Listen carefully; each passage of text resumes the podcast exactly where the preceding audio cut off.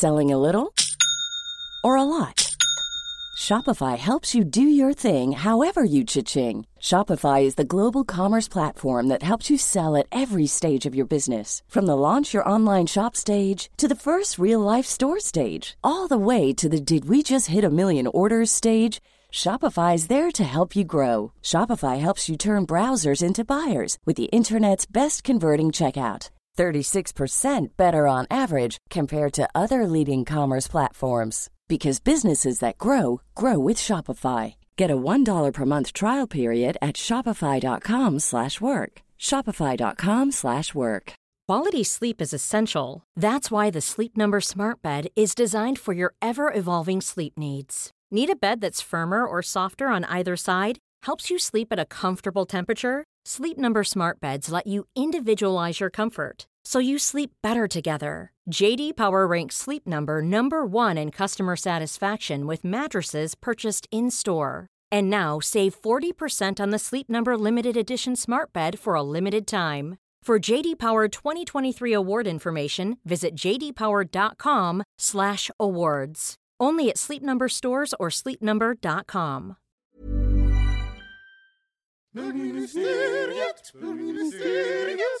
bögministeriet, bögministeriet, bögministeriet. Får jag sitta lite mer här så att jag ser Micke också? Ja, Du får sitta var du vill. absolut göra. Hej och välkomna till bögministeriet. Mitt namn är Kristoffer Wallercrantz och jag sitter här med Micke Kasanovic. och vi har en eh, ny minister i gruppen också Ja. eh, som, som är med här idag och det är nämligen Anton Renström. Hej Anton! Hej Kristoffer. Hur står det till? Mycket fint. Ja, Tack. vad härligt. Berätta lite för våra lyssnare vem du är. Åh, den eviga svåra frågan. kan inte ni fråga mig så svarar jag. Klassiskt, det gjorde vi faktiskt med en gäst förut. Det är väldigt bra. Vi kör Heta stolen. Mm. Fem snabba raka frågor och så ställer jag fem snabba raka Fem frågor. snabba, eh, raka frågor. Eh, eh, när grät du senast? Idag, Det, vi eh, visste ju lite grann att, det- att det var så, för det gjorde jag också. ledande fråga. Ledande fråga. Eh, vad är du rädd för? Oj, jäklar vad svårt. Ehm, jag är rädd för eh, ensamhet måste jag nog säga. Mhm. Eh, vad, vad är den bästa present som du någonsin har fått? Vilka bra frågor. Och svåra, Mm. kan man tillägga. Ehm, bästa presenten som jag har fått måste vara... Jo, men det måste vara typ en överraskningsfest, kanske när jag fyllde 35. Tror jag, är den bästa presenten jag har fått. Mhm, Vad hände då? Nej men då var jag bjuden hem till en kompis, vi skulle gå på teater, eh, trodde jag. Eh, kom dit, fick ett glas bubbel och sen så drack jag två glas bubbel, sen började det ringa på dörren. Och sen kom det en efter två, efter tre, efter fyra och så vidare. Och sen var det fest. Och jag fattade inte förrän typ så här åtta personer hade kommit att vi inte skulle gå någonstans. Det var jättekul. Mm. Smart sätt att göra en överraskningsfest på. Ja. Supersmart. Det ska jag sno Mm. någon gång och göra den. Eh, eh, vilken bok skulle du rekommendera att eh, folk ska läsa? Eller vilken, nämn en bok som du tycker är bra. Gud, alltså jag jobbar på bokförlag, det är jättepinsamt. Eh, har noll böcker i huvudet just nu. Uh, nästa fråga tack. Mm, nej, nästa fråga. Eh, och då eh, ställer vi frågan, eh, vad är ditt ett av dina pinsamma sexminnen? Du sätter jag verkligen kör lite i hela stolen. Ja men verkligen. Ehm, mm, mm, mm, mm, mm, mm. Det finns så många, så då frågan måste man välja ett här. Um, nej, men det är ju jäkligt pinsamt. Förlåt, får jag svära? Du, Ja, du får se tack, precis tack. var. Har du hört den här podden någon gång? Eh, jo, det har jag. Kör på. Ehm, jo, men eh, det absolut pinsammaste tror jag faktiskt är när jag och min dåvarande date slash pojkvän hade lånat pojkvännens bästa väns föräldrars lägenhet. Alltså vänta, din, din, dåvarande pojkvän slash dates Ja. bästa kompis föräldrars lägenhet? Ja, Okej. Mm. ja. PGA fin adress. Vi ville bo där lite grann när de var borta. Okej. Ja. Eh, så vi bodde där och hade rajtan tajtan och sen helt plötsligt så kom pappan hem. Nej, du skojar. Nej. Vadå mitt uppe i alltihopa? Ja. Åh herrejösses. Nej, och då var Ja. ni på schäslongen i stora salen eller vadå? Ja. Nej. ja. Hur, hur hanterar man en sån situation? Eh, jag fick panik. Alltså jag kände bara så här, eh, hoppa i, eh, sa till min då dejt, så här, in i duschen bara, du bara försvinn härifrån. Eh, men, eh, för jag tänkte det här kan jag hantera. Det kunde jag inte. Jag stod ju bara och stammade och visste inte alls vart jag skulle ta vägen. Visste de om att ni skulle bo där? Eller att du skulle... Ja, det visste de. Eh, Men de hade, hade missförstått dagarna, så de trodde att vi hade bott där redan så att lägenheten skulle vara tom. Men de trodde inte att det var inbrott och två tjuvar som ligger och knullar i nej, nej, vardagsrummet? nej, utan, nej. Mhm. absolut inte. Det var bara två homosexande personer. Eh, Men det gick bra. Han var, pappan var väldigt förstående och bara så sorry killar att jag störde. Jag kunde ha ringt innan. Så det gick bra, men det var jävligt pinsamt. Det var ju väldigt eh, väl hanterat av honom. Ja, Verkligen. verkligen. Jaha, då är mina fem frågor. Vart kommer du ifrån? Jag kommer från ett litet samhälle som heter Malå, som ligger i Västerbotten. Eh, Västerbottens inland, i skogen. Eh, det ligger, eh, om man sätter fingret på kartan och hittar Skellefteå, som ligger vid kusten. Och så åker man 13 mil rakt in i landet. Där ligger Malå. Vad gör man i Malå? Det är inte en egen fråga, utan det är bara en följdfråga. Det är en följdfråga. Vad man gör, Ja. alltså generellt, Alltså typ, om man bor i Malå, vad gör man då? om man bor i Malå så har man ju en massa olika jobb. Man, många jobbar inom träindustrin. Eh, många jobbar inom gruvindustrin. Alltså det som är vår core business i, i Sverige egentligen. Så här, trä och stål. Just det, Eller malm. Stål, malm. Stålmalm. Ja. Eh, Okej, och eh, vad var din senaste resa? Min senaste resa gick då till... Men gud. Varför står det så här stilla? Du åkte till Rom. Ja, Ja, gjorde jag åkte till Rom. Rom var min senaste resa. Tack Kristoffer. Rom, jättetrevligt. Det var min senaste resa. Ja. Eh, om du skulle ge tips till en nyinflyttad bög till Stockholm. Hur, lär man känna, hur lärde du känna din första Stockholmsbög?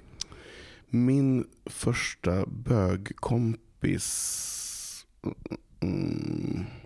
Jag tror att det var på min dåvarande... Jag flyttade till Stockholm för hundra år sedan.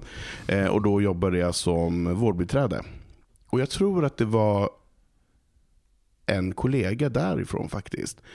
Så att jag, mitt råd skulle vara att man ska vara öppen och transparent och bara så här, hej jag vill ha nya kompisar. Okej. Eh, Är det sista frågan nu? Mm. Jaha.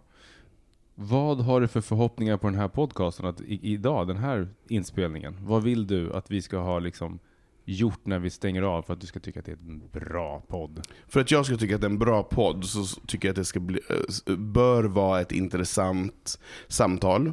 Mm. Eh, Jag vet ju lite grann vad vi ska prata om så jag hoppas att vi ska kunna slutföra det braiga samtalet och få en bra ehm, riktning på eh, vår... eh, Och för er som inte vet vad vi ska prata om så är det kuk. Ja, ja, såklart. just det det. är ju ja, som, som som i vanligt. alla En bra andra. riktning sa jag då. Ja. Ehm, S- Lätt uppböjd riktning. nej men att man faktiskt gör skillnad genom eh, samtal. Bra, då ska vi försöka göra det. Eh, då kan vi ju faktiskt börja med en boll som vi har pratat lite om här i senare... Nej, men vänta nu, innan du hoppar in Kristoffer, jag vet inte hur du mår. Jaha, jo tack, jag mår bra. Bra, kort. Nej, Så men, bjussig. nej men vet du vad, jag, jag mår bra, men ehm, jag är mitt uppe i en flytt. Jag ska flytta om några dagar. Eh, och eh, har den här veckan eh, sakta men säkert plockat ihop hela min lägenhet och hela mitt liv sådär. Så att det är, står lådor och kartonger överallt och svarta sopsäckar och smutstvätt och rent tvätt och det är liksom, men det är fullkomligt kaos hemma. Och jag märker att jag blir låg av det. Mm. Jag har, inte, jag har aldrig tänkt att jag skulle bli det, men jag märker så här, mitt tålamod på jobbet är lägre, jag, så här, jag sover lite dåligt och så här, vad är det som är grejen? Och så bara, därför att det är för jävligt hemma just nu. Mm. Ehm, och eh, det är ju bara en tids, alltså, om, om några för, dagar är det över. bryta in med en fråga, är det att det är en förändring på gång eller är det att du vill ha ordning och reda i tillvaron? Nej men det, det är, alltså ordning och reda i tillvaron är inte så stort behov av, men jag tror att jag är ganska, jag är ganska hemmakär. Så att när jag liksom har jobbat eh, och sådär, när man kommer hem så, jag tycker väldigt mycket om att här, vara hemma och liksom trivas i mitt hem. Och sen så när man kommer hem och det ser förfärligt ut, så trivs jag inte. Och då blir det, det känns som att jag aldrig liksom riktigt får så här tillfället att ursäkta det jävligt gubbiga uttrycket, men ladda batterierna. Alltså så här, att liksom landa lite innan det är dags att flyga ut nästa dag. Ja. Och jag, det påverkar mig betydligt mycket mer än vad jag tror. Ja. Eller trodde. Eh, men herregud, det, jag, ska flytta, jag ska flytta 400 meter lite närmare Mariatorget, så det är inte synd om mig. Men, men, ehm, men det är väldigt mycket det som snurrar i huvudet just nu. Mm, Så är det. jag förstår. Jag förstår. Eh, Ändå kul med nystart. Jättekul med nystart. Så, när jag inte fokuserar på vad jag ska stoppa i lådor så sitter jag på Pinterest och kollar vilken färg jag ska ha på väggarna och vilka blommor som passar till. Tantvarning. Och sen så så vi ser fram emot att så här, nej men få ett nytt litet projekt att pilla och hålla på med. Liksom. Så det känns jättekul. Det är jäkligt avancerat att börja koordinera färg på väggarna med blommor. Jag tycker det är svårt nog att få blommorna att leva bara som de är. Okej, obs, mina blommor är inte blommor utan det är gröna löv. Bara. Ja. Ka- kaktusblommor. Ja, precis, kaktusblommor. Sådana som man vattnar en gång om året. Annars så, så är ju min favorit, och det tror jag vi har pratat om förut här i Bögmuseet, men en av våra eh, kompisar och lyssnare, Samuel, har ju tipsat mig om hur man får världens finaste orkidéer. Eh, utan att hålla på och vattna Köpa plast? nej, nej, nej, utan man ställer orkidékrukan i en innekruka och ser alltid till att det finns ungefär en till en och en halv centimeter vatten i botten. Du behöver aldrig vattna dem, de blommar om och om igen nu. I mina på väg upp igen och sk- blommar jättefint. Åh, välkommen till Tantministeriet. Blompodden. Blom, blompodden, vad mysigt. Jag kan, jag kan kontra den med att säga att jag i morse var på Venhälsan. Och eh, eh, jag måste säga att fan vilken, vad de är proffsiga och härliga på Venhälsan. Mm. Det är en sån, alltså på riktigt om du som bög i Stockholm eh, vill, eller behöver inte vara bög, men kille som har sex med killar, eh, vill, vill testa det, så är Venhälsan på Södersjukhuset helt fantastiskt. Det är, man behöver inte förklara någonting, de dömer ingenting, de är eh, liksom pålästa och Nåja, de dömer ibland. Alltså fast Jo, det- när, när det är rätta. Jag kommer ihåg att jag var där en gång. Och då kanske jag hade varit där en gång innan också. För inte jättelångt Veckan innan. Mm. Och då sitter den, alltså de träffar ju hur många som helst om dagen, så att, att de kommer ihåg folk, det gör de ju inte. Eh, utan de tittar på journalen, tittar på ja, vad heter du, vad har du för personnummer? Så, går, ja. Men när, så fort jag kommer in där och, och de ropar upp Kristoffer, och så går jag mot honom och bara Ja, hej igen. Med den här lite så här blicken. Ja, ja. Då Jo, var vi jo. här igen. Jo, jo. Du unnar dig på helgen. Så, men, Då fick men inte de är du fantastiska. Min, min, min eh, eh, eh, sköterska som, som jag hade idag, vet du vad, det är så konstigt, varje gång som jag hälsar på folk, jag måste, om jag inte aktivt tänker på deras namn, så är det någonting som jag, jag tror att jag är så stressad i det ögonblicket, att jag inte registrerar namnet om inte jag fokuserar på att liksom lägga det på minnet. Det händer mig hela tiden. Just på Venhälsan. Nej, ja, nej inte bara på Venhälsan, utan lite överallt. Micke får namnafasi bara på Venhälsan. Precis, bara på Venhälsan. Men vem var det du träffade då? Ehm, nej men eh, hon var, vad kunde hon ha varit, så här eh, 50, 55 kanske? Nu tänkte jag Eh, på namnet som du, som du kom ihåg. Eller Ja, du, nej, nej, nej, nej jag, ja, precis. Jag jag kommer inte ihåg, det kommer jag inte minnas. Men hon var super, superhärlig och vä- väldigt så här, eh, pratade om, om så här, ja, men, så här, öppen relation och liksom, du vet, inga som helst, alltså inte ens tillstymmelse, inte ens en paus. Och det är kanske bara mina låga förväntningar på, på bemötandet i sjukvården i övrigt, men det är så skönt att inte behöva förklara.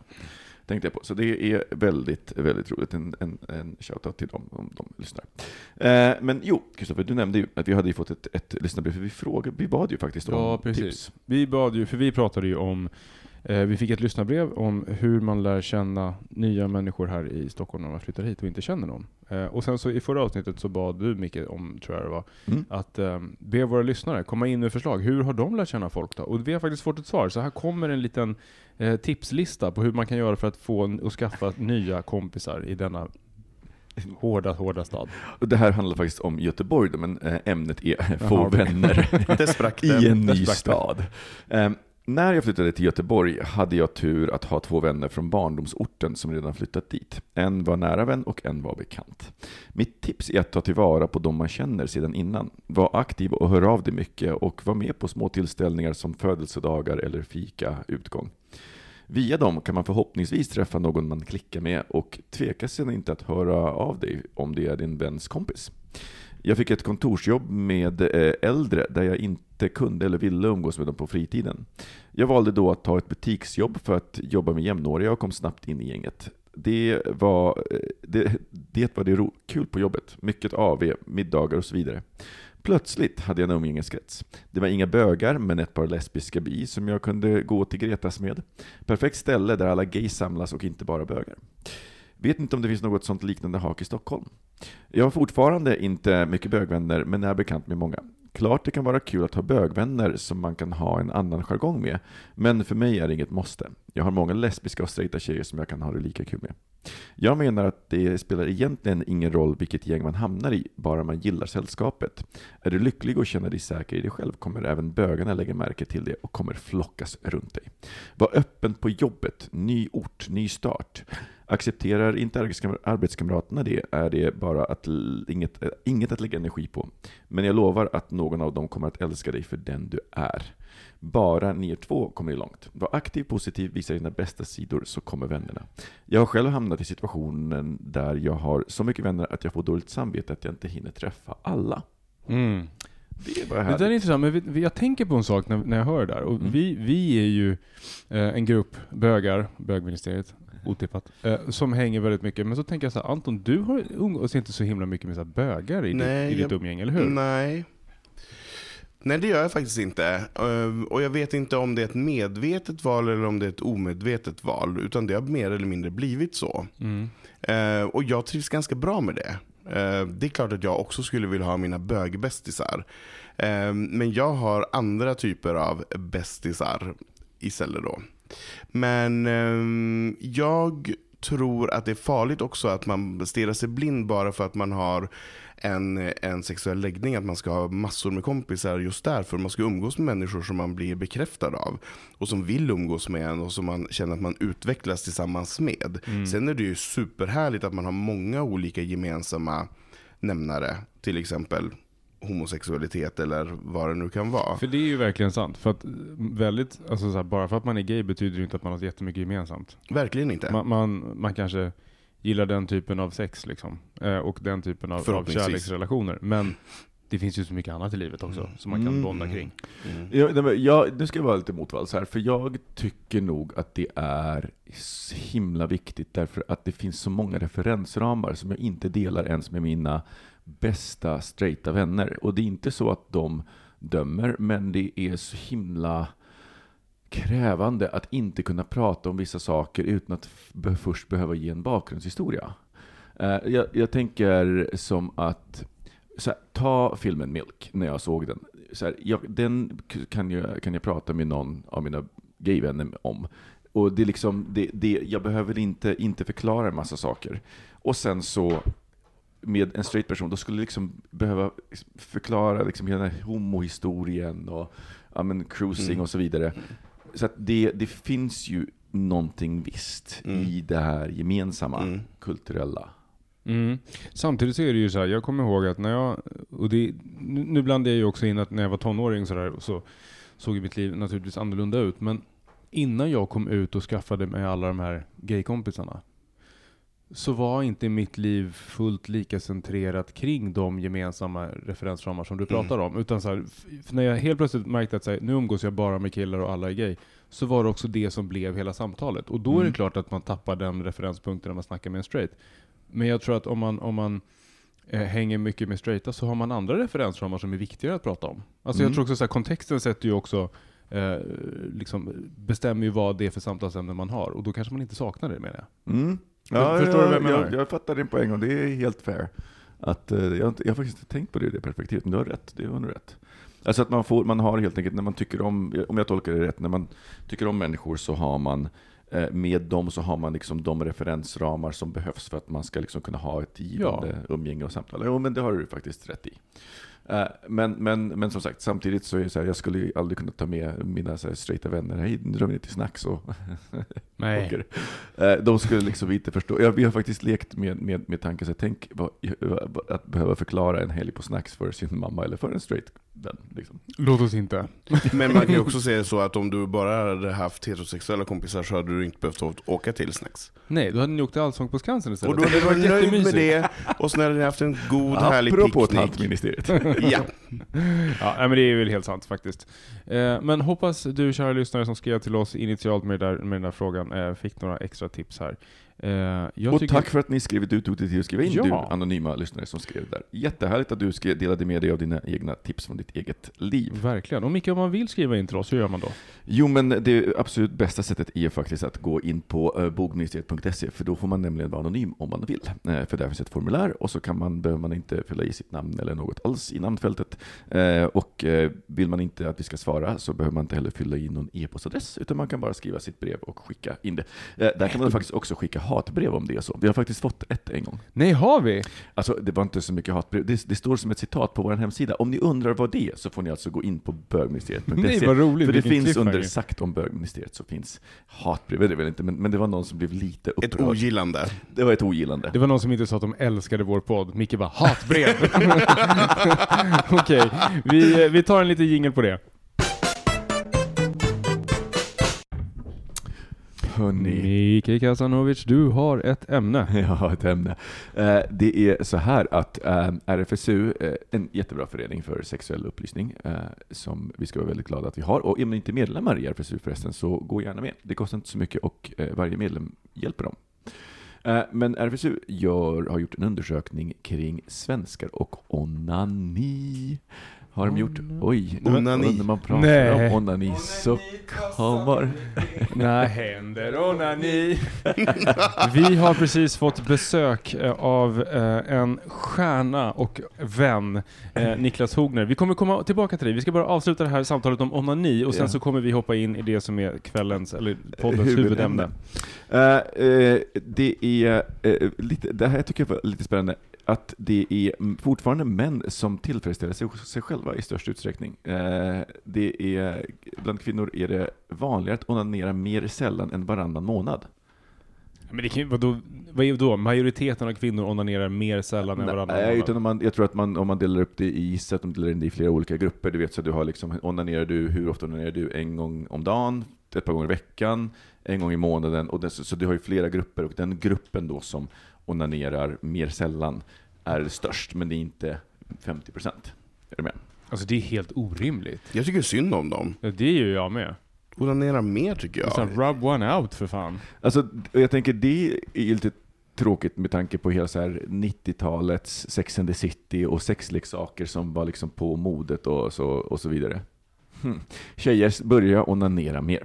De vanligaste platserna för onani är antingen i sovrummet eller badrummet. Mhm, Mm. I duschen då antar Det, jag. det där känns också som en sån här kill och tjej-grej om jag ska bara spekulera. Killen Vadå? ligger i sängen och kör... Och, I kängen. I kängen. Kängen. Killar ligger i sängen, ja det gör de ju också. Eh, men, och, och tjejer i duschen, nej, nej ingen aning. Nej. Nej, det Nej, men, alltså, det- ja, det, det, det Jag kan tror vara- att jättemånga killar runkar i duschen också. jag har bara inte fattat det här med att runka i duschen. Jag Nej, tycker, inte jag inte, heller. jag tycker Det det är så praktiskt. Nej, det ja. är så oskönt. Fast många tycker nog att det är praktiskt, för då bara tvättar man av sig sen igen. Ja, så- ja, så jag- jo, men det kan, Så jag kan tänker mig förstå. så här, man, man förenar nytta med nöje på något sätt. När man ska bli ren och gå till jobbet. Ja, men jag kan fatta. Jag, du, jag, jag kan verkligen förstå det praktiska, eller så här, behovet av det praktiska, men eh, inte när man offrar det, det, det sköna. Nej, jag håller med. Eh, 42% av svenskarna använder hjälpmedel vid onani. Ja. Jag tyckte det var högt. Ja, Jag tycker också att det är ganska högt. Jag hade inte förväntat Tycker mig... du att det är högt Niklas? 42% använder hjälpmedel.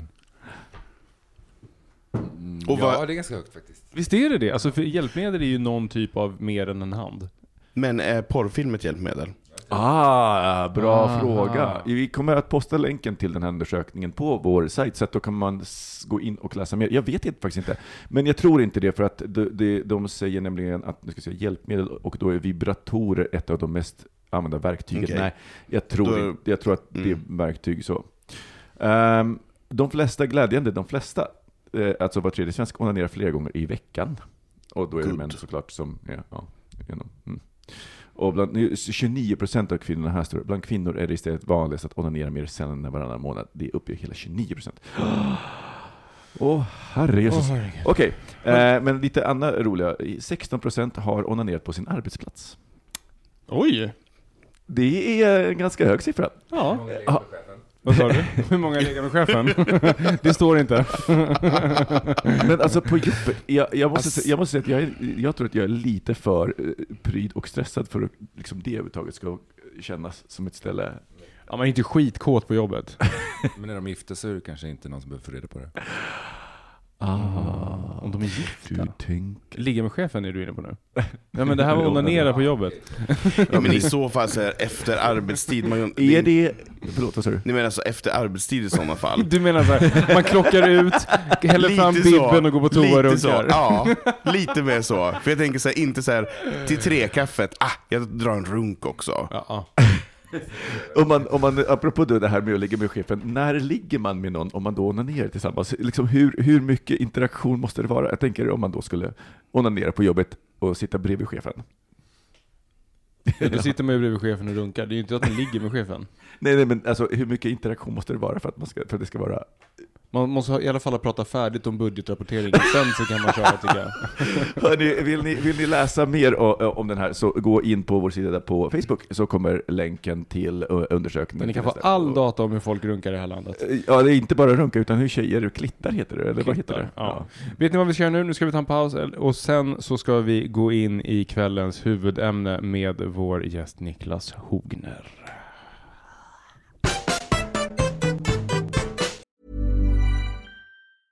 Many of us have those stubborn pounds that seem impossible to lose, no matter how good we eat or how hard we work out. My solution is PlushCare.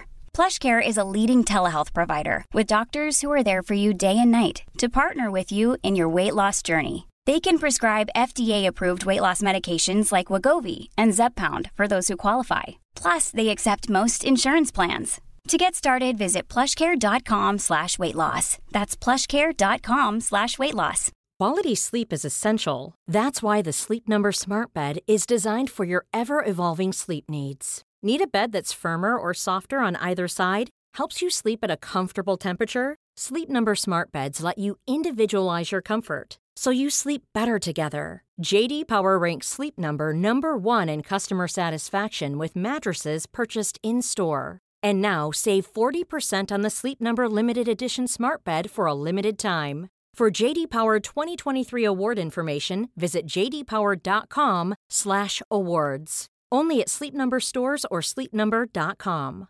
Even when we're on a budget, we still deserve nice things. Quince is a place to scoop up stunning high-end goods for 50 to 80% less than similar brands. They have buttery soft cashmere sweaters starting at $50, luxurious Italian leather bags, and so much more. Plus, Quince only works with factories that use safe, ethical, and responsible manufacturing. Get the high-end goods you'll love without the high price tag with Quince. Go to quince.com slash style for free shipping and 365-day returns. Okej, mina damer, herrar och all in between. Eh, idag, så, eller ikväll, så var bögministeriet eh, på en premiärvisning eller förhandsvisning av filmen Tom of Finland.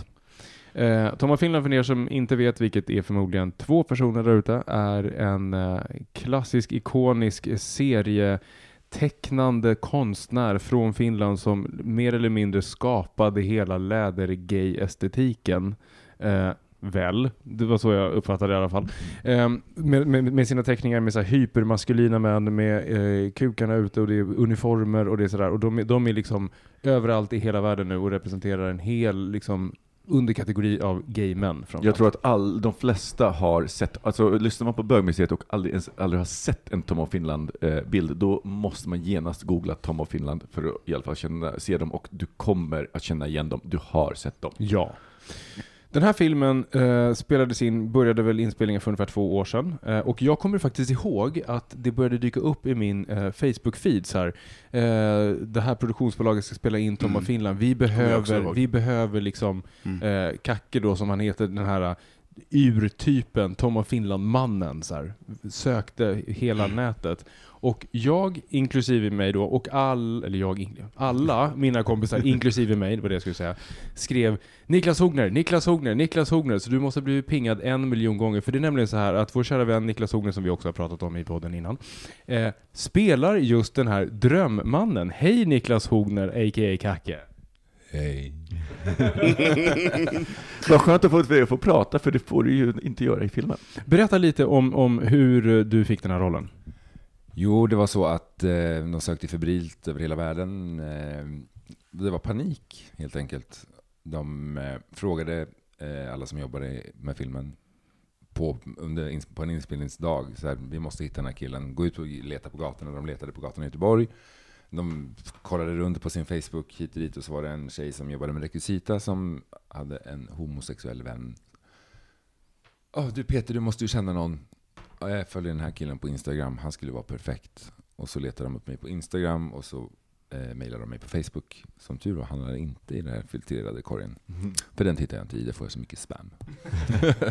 Men det måste jag också säga var en sån lyckoträff, för det är ju verkligen att se det i den filmen, är ju, det är ju fan som att se Tom och Finlands Verkligen. teckningar come alive.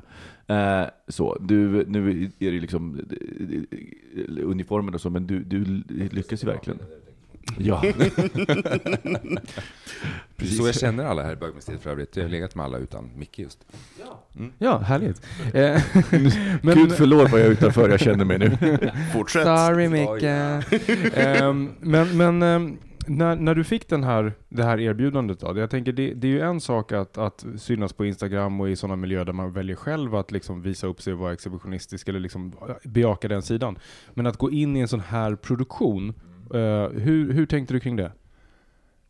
Eh, min första reaktion var nog, eller var att det blev väldigt nervös för vad alla andra skulle tycka som en tolvåring igen. Man har gått igenom det där som att komma ut och vad alla andra ska tycka och mm, stå för sig själv och eh, äga situationer hit och dit som alltid är mitt motto. Liksom. Om, jag kan, om jag kan stå för en story så kan det inte bli något skitsnack. Liksom. Och det är alltid det jag försöker sträva efter. Men det var just det som var det jobbiga också. Att så här, uh, kommer folk tänka att det är en Marvel-film nu som är så här serietidning som kommer bli till liv och det var ju alltid de frågorna jag fick. Och även får fortfarande, när QX gjorde intervju så var det en 45 minuters intervju, men 15 minuter handlade liksom om, ja men alla paket är ju så stora. Ja, men det är inte det filmen handlar om, utan det porträtterar en, en konstnär som, är, som har betytt väldigt mycket för gayvärlden, precis som Christer Lindarw eller vem det nu vill vara, RuPaul. Alla som som går i flaggan i topp som vi ska vara väldigt tacksamma för. Och det var väl det jag var mest nervös för, att, så här, att folk skulle tro att jag har en så stor... Jag har, det är en viktig roll för att det är den rollen som folk känner igen Tom och Finland från, från de här teckningarna. Men det var väl just att, vad, vad kommer jag göra? Ja, men jag är fullt påklädd. Folk bara, va? Men eh, för, för, för, för, för jag måste ju erkänna att jag, eh, som bög, så här, Tom och Finland har ju alltid funnits liksom perifert, men jag är så himla glad att jag såg den här filmen för att jag har, ja, jag visste ju inte speciellt mycket om, om då, eh, eh, gud han heter Toko. Tokolaxen. Mm. Eh, eh, heter han. Så jag visste inte så, eh, så mycket om honom. Hur mycket visste du om, om Tom eller Toko eh, Laxonen innan? Eh, jag är nörd med, som jag blir med allt vad jag än gör. Om det är att ta på mig en peruk eller dricka vin eller... jag tänkte säga något helt annat. Håller det för mig själv. så, så tar jag alltid till det extrema. Och så jag, när jag blev mer och mer intresserad så började jag göra en del research på det helt enkelt. Och eh, hade ganska bra koll på honom. Och förstod vi ganska snabbt att den bilden som vi har av honom, att det är väldigt mycket läder och väldigt mycket sex och väldigt mycket kuk. Det var inte riktigt han som man nu förstår i den här filmen, utan han stod, han, för honom var det det maskulina, det var uniformer, det var, det var män, det var riktiga människor. De, här, de bilderna som kanske blev mest kända, det var ju mest commission work eller beställningsjobb som var på de senaste åren. Och det är väl det, det som har blivit lite twistat kanske, att han var den här stora lädermannen, vilket han aldrig var riktigt förrän i slutet när han flyttade till LA och han träffade män som, som blev mer inne på den här läderscenen. Eh, så lite koll hade jag väl på honom, men inte så pass mycket som jag Men vad, vad förvånade dig mest av om, för jag, för när jag såg den, för mig så var ju liksom någonstans här, alltså personen och relationen med, då med, med, med hans, eh, hans älskare, hans pojkvän. Mm. Eh, det var för mig liksom, alltså jag, inte, inte förvånad att han hade den, men mer att jag Att hade liksom inte tänkt på personen. Och han var så vacker, och Mm. det fanns också en så himla, så himla, så himla mycket kärlek där. För Tom och Finland är ju någonstans, bilderna är ju väldigt heta men ganska, väldigt mycket cruising, väldigt mycket, väldigt mycket sex och väldigt lite det här kärleks...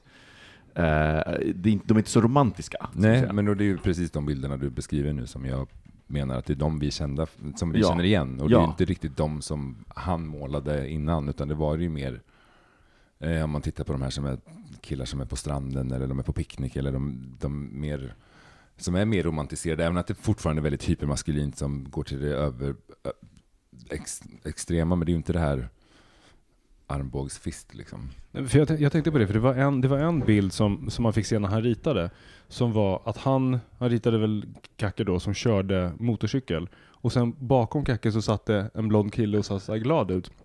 Och det, den, kändes, den kändes ju som ett par som umgicks och hade det bra. Mm. Liksom. Precis som du säger där Niklas, att där var det inte någon fist eller kuk eller liksom sånt, utan det var ju bara hypermaskulina män som umgicks tillsammans. Så det är ju det någonstans som blir så himla fint i den här eh, filmen, som jag verkligen måste rekommendera att alla ser. Ja, ja men och det var precis det jag, eh, som då med regissören pratade hål i huvudet med mig på, för eh, det var någon som gjorde misstaget att visa mig alla som hade sökt den här rollen innan inspelningen. Det var kanske inte det bästa man kunde göra för mitt Gud självförtroende. vad jobbigt. För mitt självförtroende. eh, bara, "Åh, hur, hur tyckte ni att jag passade in här? Men det var just att, för dem var det väldigt viktigt att det var den här, som du säger, den här, jag kanske var mer killen som satt bakom, eller han killen som satt bakom på motorcykeln beskrev hur Kacke var. Att det var den här flörtiga, roliga, flamboyanta som, ja men ni vet hur det är när man tänder lampan på SLM. Nej, men jag vill inte veta hur din matta ser ut. Mm. Nej men precis, för där tänkte jag, för, för också, jag ska bara säga, för de, de eh, scenerna som du är med i, de är ju väldigt så här, nyckelscener som tar historien framåt på något vis. Vi ska inte spoila för mycket, men så är det.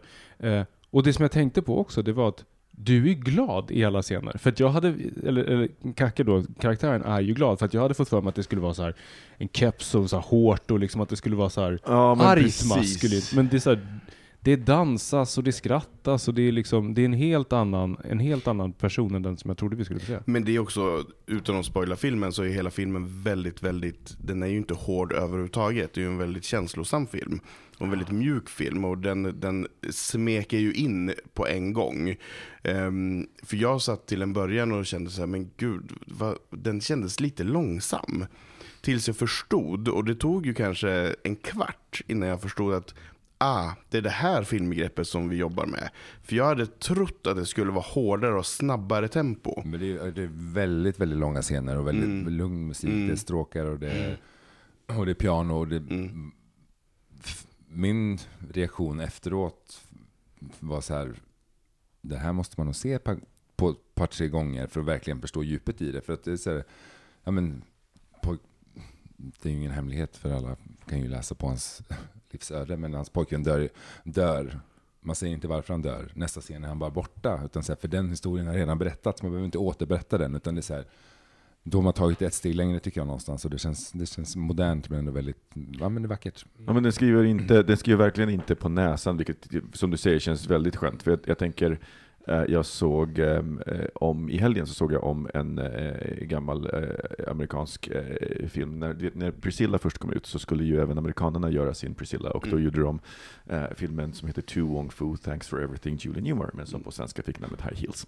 Eh, och, eh, Och 22 procent av killarna gick och såg den och 13 procent av männen.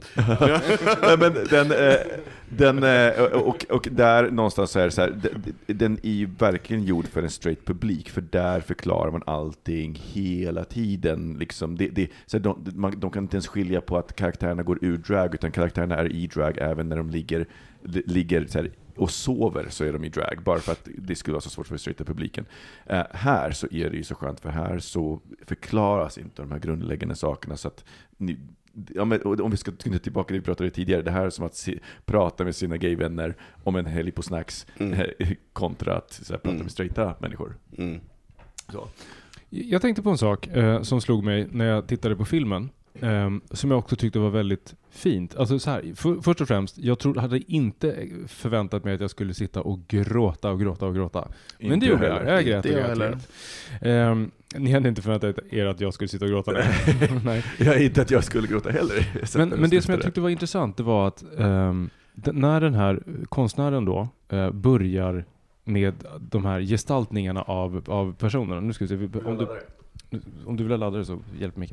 Ehm, ehm, när han börjar i liksom skapa de här karaktärerna, de här personerna, de här macho, hypermachomännen. Så min uppfattning var att det kom dels från, från eh, militären och, och liksom polisen och liksom den värld han befann sig inom. Men även eh, våldet som de personerna gjorde mot honom och folk som honom. Och det fick mig att tänka att så här, hur, vi har, vi har tänkt på det här förut, jag tror vi har pratat om det någon gång i bögministeriet också, att väldigt mycket av, av eh, killar som man tycker är heta idag, är också, de liknar lite killarna som man var rädd för när man gick i gymnasiet. Mm. Och det, den, den kopplingen återfanns i filmen på Mm. något sätt. Uh, vad, vad, vad tänker du om det Anton? Jo, men jag, jag, jag satt och tänkte på det väldigt, väldigt mycket just med det här um, det förbjudna. Uh, det var ju, det, det här är ju, utspelar sig under en tidsepok då det faktiskt var sjukligt att vara homosexuell. Um, och det tänker vi ju inte på idag 2017, men det blir, blir man ju ganska varse. Uh, men sen håller jag med dig också om det här att man, det blir någon typ av eh, idoldyrkan mot de som man inte fick vara med eller de som man inte var eller de som man inte platsade hos eller så. Så absolut. Ehm, jag tänkte inte så mycket på det. Jag tänkte mer på att det var förbjudet och då var det lite mer eh, pirrande. Ehm, och jag, ja, jag svarar på det. Jag kan komma till min, ett konstaterande sen. Okej. Eh, och eh, Niklas, jag tänker för att ehm, i den här rollen som du spelar eh, och andra roller som du spelar i livet eh, så, så finns det ju, för, för du har ju, du har ju en, en väldigt stor personlighet och, och den tar sig också uttryck i olika karaktärer kan man väl säga lite då och då. Va, vad tänker du om det som jag sa, att, att, att det finns en, liksom en, en inbyggd attraktion kring typen av män som man kanske har varit rädd eller, eller liksom, eh, osäker kring? Ligger det någonting i det? Men det, jag kan tänka att det är lite om en psykologi som allting. Som ni ofta pratar om, öppna förhållanden och stängda förhållanden. Eh, otrohet kanske inte blir lika spännande om man öppnar upp ett förhållande. Det är likadant, liksom, eh, blir den farliga mannen inte farlig så kanske han inte blir lika, lika sexig på något sätt. Det, det, det, man kan applicera det på väldigt många olika sätt. Och eh, det är väl klart att vem har inte fantiserat om en farlig man? Micke, vad säger du? Eh, farliga män. Eh, men, eh, jag, jag, jag, jag tror att för mig så är det nog snarare situationerna som, som, eh, som gör det. Alltså så här, för, det, för det handlar ju också om att inte känna personen. Mm. Det är svårt att en person som jag känner skulle kunna liksom bli den farliga mannen. Så att Mm. det är liksom i den här situationen man möter någon. Va? Det där har jag tänkt på, för jag tänker på så här rollspel, par som har rollspel. Och Mm. bara, kan inte du komma Mm. hem som eh, eh, brevbäraren eller polisen? Rörmokare. Ja, precis. Alltså, om det hade hänt, om Jona hade kommit hem någon dag och bara så här Hej, vad är det för rör som ska fixas? Alltså jag hade ju bara skrattat. Jag, för, för Eller om den här du står i sjuksköterskemundering Men det gör jag alltid. Ja, ja. Så det är, det är, det är helt- samma. ja, ja, ja. Det är vardag. Men hade han sagt att hej, jag fantiserar om att eh, jag fixar en kille som kommer hem, kanske våran rörmokare och sätter på dig. Hade det kanske blivit spännande.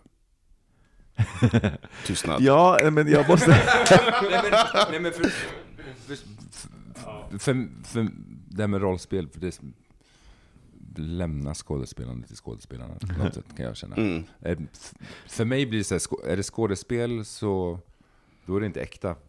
Det är mycket, för mig är det mycket så här, kemi, kemi är viktigast och då spelar det kanske inte så stor roll hur gammal, hur den ser ut, om det är kvinna eller man eller vad den är. Men jag tänker också att, att det, för jag, för jag håller med dig, för att jag, jag, jag, jag hade den bilden. Eh, Men sen när jag började utforska det lite så inser jag att det handlar egentligen inte om att ja, men nu, nu ska du vara polisen och jag ska vara den hjälplösa fången eller vad det nu skulle kunna vara. Utan det handlar mer om att så här, men jag, jag skulle vilja prova på det här och att man liksom tänjer på gränsen. Och då är det inte som att, det är inte så att jag går in i en roll, utan det är bara så att jag expanderar mitt befintliga så här, kartotek Ja, men åt det- ett håll som jag inte eller kanske har Mm. utforskat så mycket. Nej, men det är en helt annan sak. När du, man, då är det ju inte ett skådespel, utan då är det ju att Mm, du ja, ja, ja, lyssnar på dina egna känslor. Och det är Ja. någonstans då det blir intressant. Så här, om någon säger till mig så här, ja, mejla piss. För mig är det helt främmande. Men om det är en attraktion och bara, jag skulle testa det här.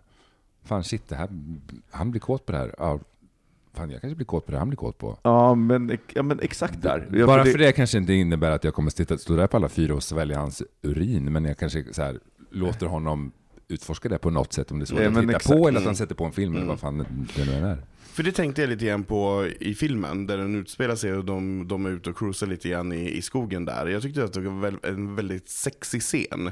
Så där de följer efter varandra och det är lite ögonkast och så. Och jag kände då när jag såg det att jag saknar lite grann av det. Det är bara att åka till Skinnarviksberget. Jag vet, men så, det var min, för, min första tanke var att jag saknade det. Sen, efter kanske lite längre in i filmen, saknade jag det inte. Så jag är väldigt, väldigt glad att vi inte har det på det sättet längre. Tack och lov och väldigt tacksam över det. Men, men det finns någonting med den här spänningen när man får möta blickar och det är lite, lite dunkelt och det finns den här mystiken. Och speciellt med någon som man inte förväntar sig ska vara den här som man attraheras av. Om det nu är en polis eller en brandman eller vad det nu är, en rörmokare eller en sjuksyster eller vad det kan vara. Men det finns den här attraktionen, det, alltså den vill man ju ha.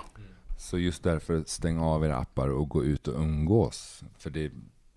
så- Jag tror, alla tjatar om att det, så här, det händer inte så mycket nu för tiden. Och man går är på sina appar. Jag, jag vet inte om ni har nämnt det, men jag, jag bor i London sedan ett år tillbaka. Där hela Soho nästan har dött, hela Old Compton Street. Det finns tre ställen kvar kanske. Det, eh, hela, hela, hela gayscenen är i princip död, för folk går inte ut längre. Utan man sitter på sina appar och så är inte kuken över 22 cm, nej men då tänker jag inte träffa killen. Eller har han inte ett sexpack, träffar du någon ute i en bar, får den där glimten. Ja men, ja, men, ja, men vet du vad, det är lite... Shit, han kanske är lite intressant. Han kanske kommer fram och kollar, pratar med mig i alla fall, trots att det inte är killen jag strävar efter, eller tvärtom. Eller, Eller säger, att jag kanske inte skulle ha vågat eh, messa honom på Grindr, eller om jag hade messat honom så. För att jag, jag, jag, tänkte på det, för att härom, häromdagen så fick jag, ja, men du vet, någon som, som, var, bara- som, började, som började messa mig på Instagram och som var lite så här, ja men eh, smygis och som, och liksom bara, bara så ville träffas och helt plötsligt så var jag bara så här, du vet, jag bara, nej men vänta ett tag, så här, bo, bo, stämma, boka sexträff, hela den grejen. Så jag bara, nej, vet och han, för att jag, han, han var så här, men ni är öppen relation bara. Jag bara, ja. Och så var jag så här, men vet du vad, nej, så jävla osexigt att så här, bestämma att vi ska träffas på tisdag klockan tre. Eh, för att det liksom, nej, jag vill, jag vill, om, om jag nu ska ha det, då vill jag snarare ha den här spänningen, den Mm. jakten, liksom Mm. träffas. Men det där är intressant, för de där två sakerna, när när man kopplar in appar och, och hela den grejen, då går man ju från en känsla och en spänning till ett, en system och en funktion. Mm. Ja, Alltså det går så här, vi ses klockan, klockan halv sex på tisdag för då ska vi och då ska vi göra tömma. A, B och C och du ska göra Exakt. det till mig och Mm. sen Och då, så, finns det ja. ju ingen, då finns det ju inget intresse kvar, utan då finns det ju bara funktion kvar. Och det är ju inte så jävla kul. Och då gör till och med RuPaul ett avsnitt med The Reveal, avsnitt nummer ett. Som handlar om det. Nej men att de gör en reveal, för att det är någonting, man, man väntar på någonting. Ja, du menar så. Ja, men exakt. Mm, mm. Lär av RuPaul. Glöm inte the reveal. Det är inte intressant längre för man har allting så nära till hands. Så man får 2000 bilder av någon Mm. och så, nej då räcker inte det. Nej men sträck upp tre fingrar och skicka en ansiktsbild för att jag tror inte att det är du. Nej men jag ser ut så här, eat shiten. Men, men någonting annat som slog mig när jag, när jag såg filmen, det var så här, jag satt och bara, alltså, och det var det tror jag det första som fick mig att på riktigt att liksom börja gråta, var den här enorma tacksamheten Mm. över alla de här människorna som har kommit innan och som verkligen så här, Mm. jag kan sitta med min kille på en, en av de stora biograferna i Stockholm. Och liksom så här, vi, vi var ju där samtidigt som det var andra filmer. Du vet så här, jag behöver inte smyga någonstans och det är tack vare de här människorna som på när det var olagligt blev förföljda, som liksom blev slagna av polisen, Mm. blev satta på, på vårdinrättningar. Alltså, det, det, för mig så har det varit så otroligt, nu jag blir Mm. känslosam igen bara jag Mm. tänker på det, för det är så himla stort. Mm. Och jag tror att jag, jag, jag blir också så himla ledsen att den historien ligger så nära oss. Jag menar, jag upplevde fortfarande tiden när det var skamligt, och, Mm. men dagens här, unga generation håller på att tappa bort det. Nästa gång jag hör någon säga en gammal äckel, äcklig läderbög, då kommer jag fan ge en rak höger. Nej, då kommer du ge en kopia på filmen.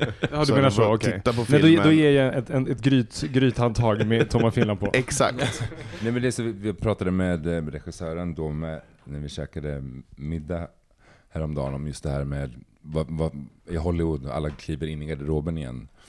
Eh, så frågade de varför det är så här och han bara, "Nej, men jag var på fest i LA och så rabblade han upp fem stora ja, kändisar, skådisar som var där öppna på en fest, på en, på en, på en barbecue med sina pojkvänner som alla har, är gifta och har barn Mm. i tidningen. Mm. Var- Varför är det så här? Han bara, nej men för det, Hollywood är gjort för Texas, för the Trump voters, för Ryssland.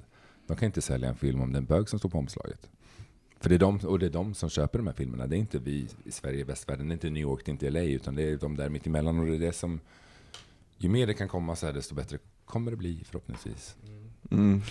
Men jag, jag tänkte, jag, jag brukar inte vara så himla politisk, så att jag slåss för olika saker och står på barrikader. Jag har mycket åsikter om saker och ting, men jag brukar inte... Lord knows. Yes, you do. Ehm, men jag kände under den här filmen att fan, mm, vi har någonting att säga, vi måste berätta de här sakerna. Lite grann som vi pratade om förintelsen och så vidare. Vi måste fortsätta prata om de här sakerna, för det är inte länge sedan. Det är inte många år sedan. Eh, och som Micke, som, som du sa, kidsen idag har glömt bort det. De vet inte, de tar det här för givet. Medan att det är väldigt många som inte får ta de här sakerna för eller vi får inte ta de här sakerna för givna. För det är så nära. Mm. Så Och jag, och jag tror att någonting, för, för att jag, jag, som jag tänkte på under den här, under den här eh, filmen, det var att jag jag tror att jag någonstans har fortfarande så här, eh, separerat, just det, men Tom och Finland har varit lite så här, lite snuskigt, Mm. lite, eh, lite fult. Det var, jag tänkte, för, mitt exempel i huvudet var min syster som var helt fantastiskt skickade, för att hennes, hennes kille hade hittat Tom och Finland eh, sänglakan. Och, de, och, och skickade det till henne och bara, "Men berätta för din brorsa, kolla på de här, vad, vad häftiga de är. Och du vet, jag tänkte så här, men gud, de är lite snuskiga, skulle jag kunna ha dem så här när, när, du vet, när mamma kommer Mm. eller någonting? mm. Och nu bara, efter att ha sett den här filmen, bara Gud vad stolt jag är. Nu Ja. ska jag kunna så här, ha dem där med stolthet, för att jag har nog inte riktigt fattat hur mycket han gjorde Nej. för vår sak. Mm. Eh, och att det är någonting att vara, att, vara, att vara stolt över. Så att för mig så gick, gjorde den här filmen, den slog om den här switchen, att jag numera kan bara vara så här, gud vad jag är stolt Mm. över det. Och liksom jag skulle kunna gå med en t-shirt på det, för för mig så är det både konst och det är historia. Mm. Och det är, tåls ju att säga att den här filmen kommer, den släpps på fredag samtidigt som den här podden. Eh, och eh, åldersgränsen är 11 år. Eh, så att man kan, man kan faktiskt ta med sina yngre tonåringar om man så vill eh, för att se den här filmen. För det är en fantastisk film som är ett, ett tidsdokument från en tid som har passerat men som är ack lika relevant idag som den var då faktiskt. Och framförallt alltså en jättestor konstnär. Ja. Alltså det är ju grym konst. Fantastiska teckningar. Så att bara, bara av det anseendet. Sen får man väl välja att blunda för det där bultande skrevet och titta på något annat. Men det är fantastisk konst. Verkligen. Eh, ja, hörni. Uh, sen kväll. Eh, vi har ju varit på bio först och eh, nu spelat in. Eh, men om eh, ni lyssnare, om ni ser filmen, berätta vad ni tycker. Vi tycker det skulle vara så himla häftigt att höra om ni håller med, eller ni kanske tyckte att nej, var jätte, jättedålig, eller det här tyckte jag. Eh, och det kan ni som sagt göra på hejbogministeriet.se om ni mejlar. Eh, ni kan göra det på Instagram, bogministeriet, Facebook, bögministeriet, eller på bögministeriet.se och där får ni vara anonyma. Precis. Eh, och med det så vill vi tacka eh, Niklas som kom hit och pratade i, som, i rollen som Niklas Hogner den här gången. Som Salongsberusad. Nu fick jag ta den delen helt plötsligt. ja, men det, det, det, det är vi alla, det är vi varannan, vi tar varannan vecka. Eh, och Anton, Tack. tack för att du Min hoppade in. oskuld. En, Ja. en oskuld. Åh! Ehm, så gör vi så här att eh, vi går på Tom och Finlands efterfest på Sidetrack och tar en öl och skålar eh, för alla läderbögar där ute. Och sen så hoppas vi att vi hörs och ses igen nästa vecka. Yes! Vi finns på Instagram och vi finns på, ja ni vet var vi finns någonstans, annars hade ni inte hittat oss. Ja, och Niklas Hogner kan ju såklart följa. Och Niklas Hogner kan ni absolut följa. Han heter Hogner på Instagram. Där kommer ni få se allt möjligt smaskigt. Vad så, är den ren nu?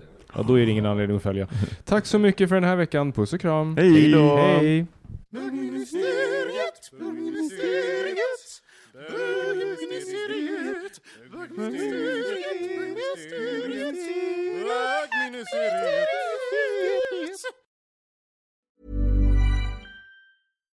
Hi, I'm Daniel, founder of Pretty Litter. Cats and cat owners deserve better than any old fashioned litter. That's why I teamed up with scientists and veterinarians to create Pretty Litter. Its innovative crystal formula has superior odor control and weighs up to 80% less than clay litter.